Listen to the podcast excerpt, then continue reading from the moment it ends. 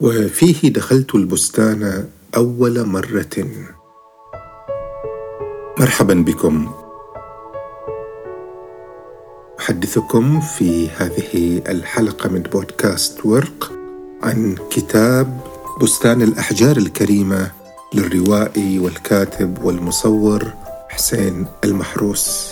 يحدثنا في هذا الكتاب حسين المحروس عن بستان قد تملك روحه وعينه وكاميرته وحرفه قضى مع هذا البستان ما يقرب الستة عشر عاما وهو مأخوذ به. في هذا الكتاب يأخذنا إلى رحلة طويلة في هذا البستان يأخذنا إلى صوره إلى ناسه إلى نخيله إلى أشجاره يقول في يوميات البستان التي سجلها في نهاية الكتاب يقول إنه في شهر نوفمبر شهر 11 في 2006 وفيه دخلت البستان أول مرة من الباب الغربي الثاني القريب إلى قرية جد الحاج. أوقفت سيارتي تحت ظل شجرة ياسمين هندي ضخمة. تحت هذه الشجرة يجري جدول ماء. يمكن الجلوس تحتها جواره. تقدمت جهة الشمال فرأيت رجلا نحيلا أسمر يلبس كوفية مخططة. كان يبتسم وهو يلوح لي بالترحيب. سألته عن اسمه فقال عبد الله. عبد الله بن خميس هذا هو اليوم الأول الذي أصوره وأصور البستان. تجولت في البستان وعرفت حدوده. كان ذلك اجتهاد مني. التقطت صورا وغادرت. لم يكن في بالي شيء آخر. هذا هو اليوم الأول. هذه بداية الحكاية وبداية الكتاب وبداية سيرة هذا البستان بستان الأحجار الكريمة. هو أيضا بستان أولاد أمينة. أولاد أمينة هم عبد الله وجميل وعبد الرسول وحبيب. هؤلاء الأولاد هم الذين يعملون في هذا البستان بستان الأحجار الكريمة كما أطلق عليه الكاتب. ولم يؤول الكاتب هذا المعنى أو هذا العنوان في الكتاب ولكن يمكنك أن ترى أن الأحجار الكريمة هم هؤلاء الفلاحين. وكذلك أرضهم وكذلك زراعتهم ونخلهم وتعبهم وسيرتهم كل ذلك أحجار كريمة وكنوز أشياء آيلة اليوم إلى الغياب. لذلك يقول الكاتب لا أريد أن أتأخر مرتين. بمعنى لا أريد أن أتأخر مرتين لأنني تأخرت في المرة الأولى عن تصويرهم. فكما قال أحد الفلاحين لقد جئت متأخرا لأن الكثير من البساتين الرائعة والجميلة الكثير من الأحجار الكريمة قد انقضت وقد ذهبت ولم تعد.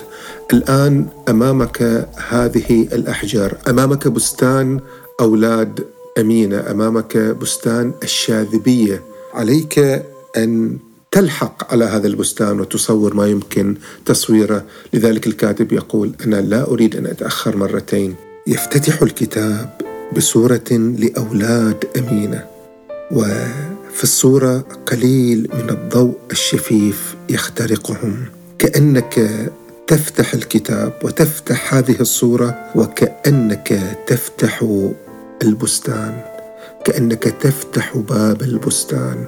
كأنك تدخله لأول مرة. أراد المحروس أن يجعل من هؤلاء هؤلاء الفلاحين هؤلاء المزارعين هؤلاء أبناء الأرض وأبناء البستان أراد أن يجعلهم أبطال السيرة وأبطال القصة وأبطال البستان. احتفى بهم احتفاء كبيرا في هذا الكتاب. سرد لنا عرقهم وترابهم وكل يومياتهم في هذا البستان. يدخل المحروس مع كاميرته وهو في كامل جديته. في كثير من صور الكتاب نرى المحروس يضحك أو نراهم يضحكون ولكن هذا الضحك كان ضحكا جادا كان ضحكا يعبر عن عمق العلاقة بين المصور وبين هؤلاء الفلاحين وبين الأرض وبين النخل وبين الزرع وبين المياه. كانت علاقة عميقة للغاية علاقة عمرها عقد ونصف أي أن الصور قد حمضت في عقله وفي مخيلته وفي دمه وفي تلفتاته كلها لكي يخرج لنا بهذا الجمال. يقول المحروس لا تذهب إلى تصوير الفلاحين ولا تذهب إلى تصوير البساتين إذا لم تكن جادا. ما هي الجدية التي يتحدث عنها؟ وكيف بدت في الكتاب الجدية التي يتحدث عنها هي أن تذهب إلى عمق المعنى هي أن تدرك التعب هي أن تدرك الروح التي خلف وجوههم ورقابهم وعرقهم. نجد المحروس يسجل هذه اليوميات للبستان وللكاميرا وله وللفلاحين. يضع أجندة كاملة تبدأ من عام 2006 وتنتهي عام 2022 هل هناك جدية أكثر من أن تسجل كل هذه اللحظات بدقة وبجمال وبحفظ أحيانا إلى العبارات كما قيلت طازجة طازجة حيوية تعبر عن نبض تعبر عن عمق العلاقة وتعبر في الوقت نفسه عن بساطة العلاقة لم يكن متعاليا عليهم ولم يكن ينظر إليهم من أعلى كاميرته بل كانت كاميرته تنظر إليهم في بسطة من الأمر وبسطة من الروح وبسطة من الحب أيضا. الجدية كذلك تتبدى في هذا الوقت الطويل في العقد والنصف جعل روحه تتخللهم وتتخلل النخيل. لذلك تجد كل صورة ناطقة بعمق العلاقة بين المصور وبين هؤلاء. لم يكن هناك استعجال ولم يكن هناك غرض. لم يتعامل معهم كغرض كموضوع. لم يتعامل معهم كموضوع يستحوذ عليه أو يستفيد منه أو يستغله أو يجعله فرجة.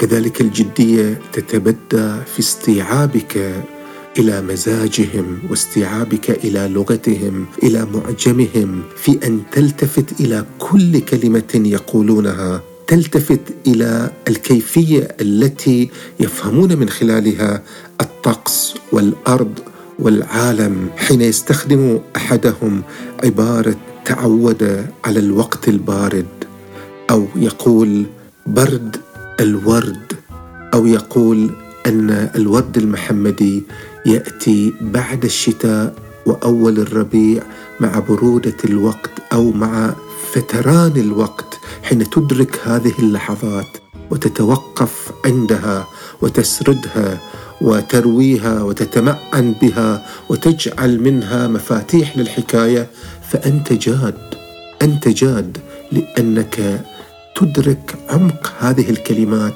التي تقال بعفوية. في بستان الشاذبية كل الوقت للجهد وللتعب وللجد يبدأ اليوم قبل شروق الشمس.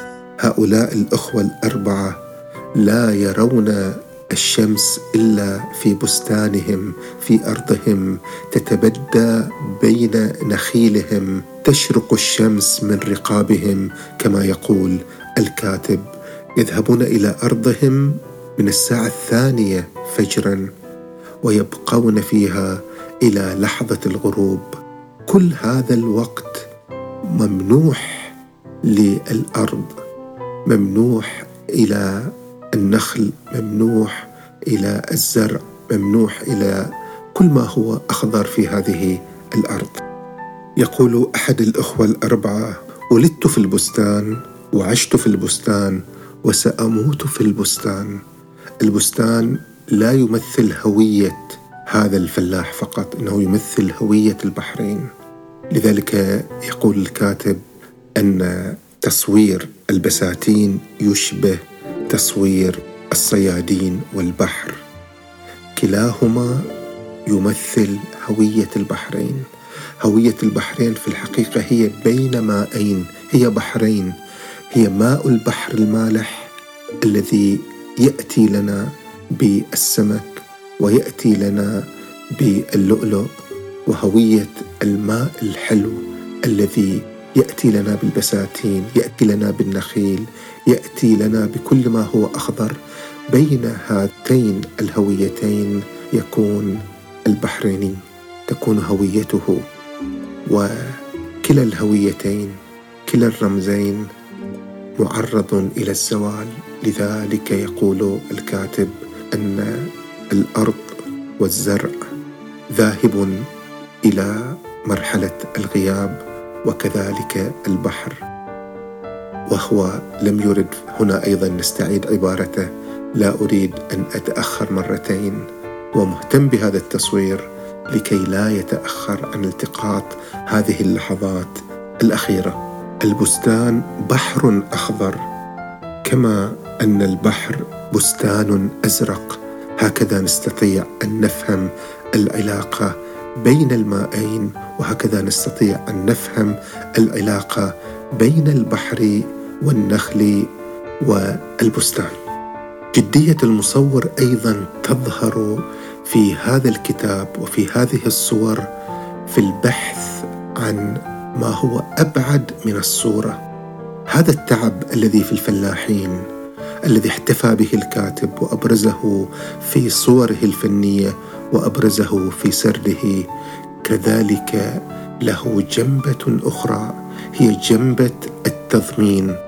موضوع التضمين اهتم به ذهب للأرشيف ذهب للأوراق ذهب للتاريخ لكي يكتشف تعب هؤلاء كي يبحث عن الاستغلال يبحث عن التعب الذي لم يقدر عند هؤلاء الفلاحين. وهذا موضوع الشق الثاني من هذا الكتاب. ما هو نظام التضمين؟ بالمعنى أو بالمفهوم هو عبارة عن نظام استئجار الأراضي الزراعية بأنواع الأراضي الزراعية في ذلك الوقت التي كانت تسمى في ذلك الوقت دولاب وصرمة ودالية ونخل وزراعة وجوبار كلها تسميات في ذلك الوقت. هذا العقد كان في البداية شفاهي ثم مع تطور الإصلاحات تحول إلى مكتوب وفيه يستأجر المزارع أرض زراعية ليست ملكا له.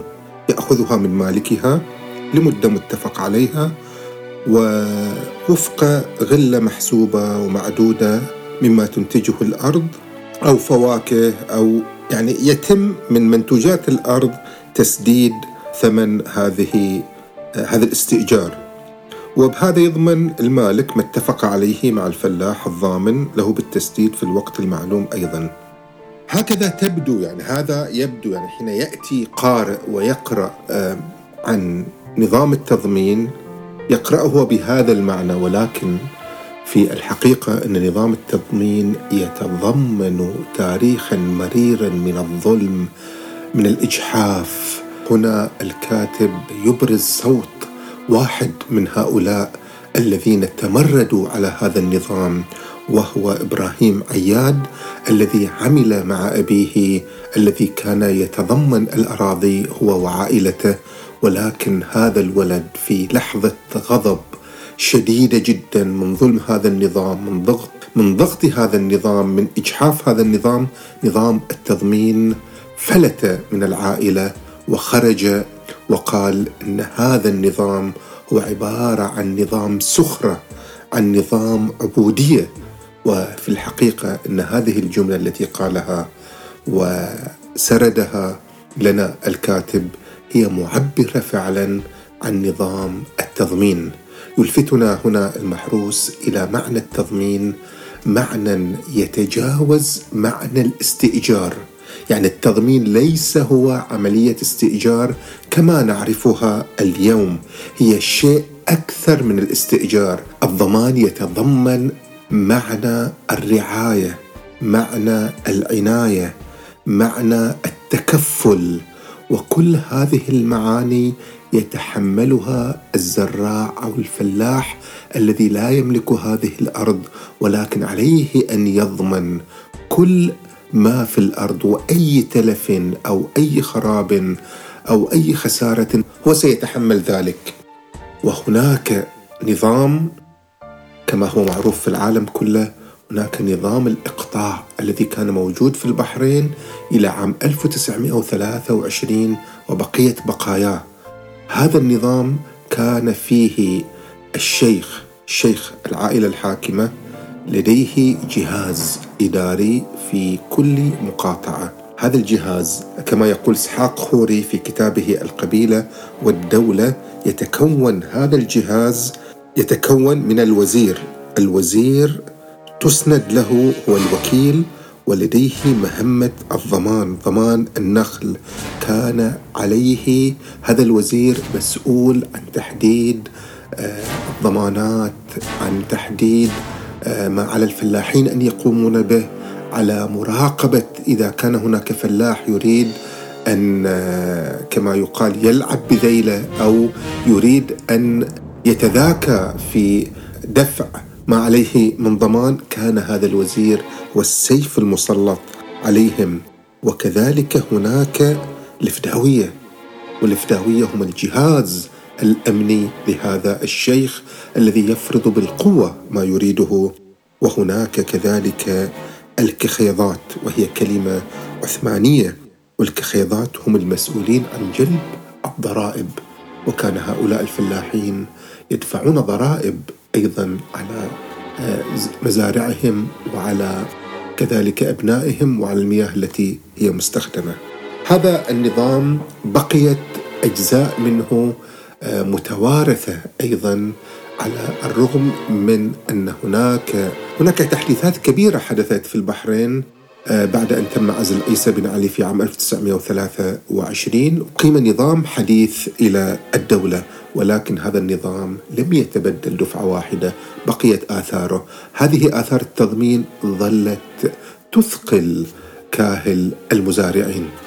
تتبع المحروس آه، إعلانات آه، التضمين وإعلانات الحكومة عن المزارع و عن الإصلاحات وكان ينقل لنا كل هذه الأجواء ويقول أن الجهات التي كانت هي صاحبة التضمين هي الأوقاف الجعفرية آه، والسنية طبعا أيضا وهناك أفراد العائلة الحاكمة وهناك بعض التجار. أما غالبية الشعب فهم كانوا يعملون ضمن هذا النظام. كانوا هم آه، المسخرون كما أن الغواصين وإصلاحات الغوص التي نعرفها جميعا كيف أنها أجحفت آه، هؤلاء وأخذت من أرواحهم وأخذت من مستقبلهم ومن صحتهم. كذلك نحن كما قلنا أن تاريخ وهوية البحرين تتحدد بالبحر وبالمزارع أو بالأرض وعلى كلتا الجنبتين حدثت آه، ظلامات كبيرة لهذا الإنسان. آه، ينقل لنا واحد من الضمانات يقول: نعلن للعموم أن كل من لديه رغبة في ضمان نخل بخانة الكائن بسيحة جد حفص من المنامة فعليه أن يخبر هيئة أملاك آل خليفة بدائرة المستشارية خلال 15 يوما من تاريخه. نلاحظ هنا أن هناك هيئة أيضا هيئة اسمها هيئة أملاك آل خليفة وهذه التي كانت تفرض موضوع الضمان وتاريخ الأرض وتاريخ البساتين ويحكي لنا فعلا عن تاريخ البحرين وعن تاريخ إنسان هذه الأرض يختتم المحروس كتابه بصورة في غاية الجمال والروعة لمجموعة من النخيل وضعها على صفحتين. يتخلل هذه النخيل شيء من الضوء في الفجر وهو الوقت الذي يكون فيه الفلاحون في أراضيهم والشمس توشك أن تشرق.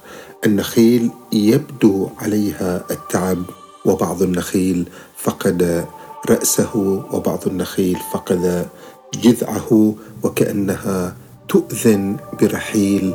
هذا التاريخ تاريخ النخل والبساتين.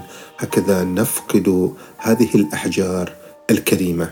كذلك المحروس أقدم في اليوم الأخير من سلسلة يوميات البستان يقول في 15 واحد 2022 في الساعة الحادية عشرة والنصف يقول المطر مستمر منذ الصباح الباكر في البستان. أحمل كاميرتين من لايكا. يغطي جميل ورسول وحبيب. رؤوسهم بكيس من الخيش يتقون به المطر وهم يعملون. يستمر عبد الله في الغياب عن البستان بسبب ركبته. نصحه الطبيب بالراحة في البيت أسبوعين قضى منها ثمانية أيام هو الآن على ما يرام. هكذا هي نهاية الجزء الأول من اليوميات ويعدنا المحروس أنه سوف يستمر في الحضور وتدوين هذه اليوميات والتصوير قدر الإمكان والعيش مع هؤلاء الإخوة الأربعة في بستان الشاذبية. والأرض التي ليس لها اسم. شكرا لكم.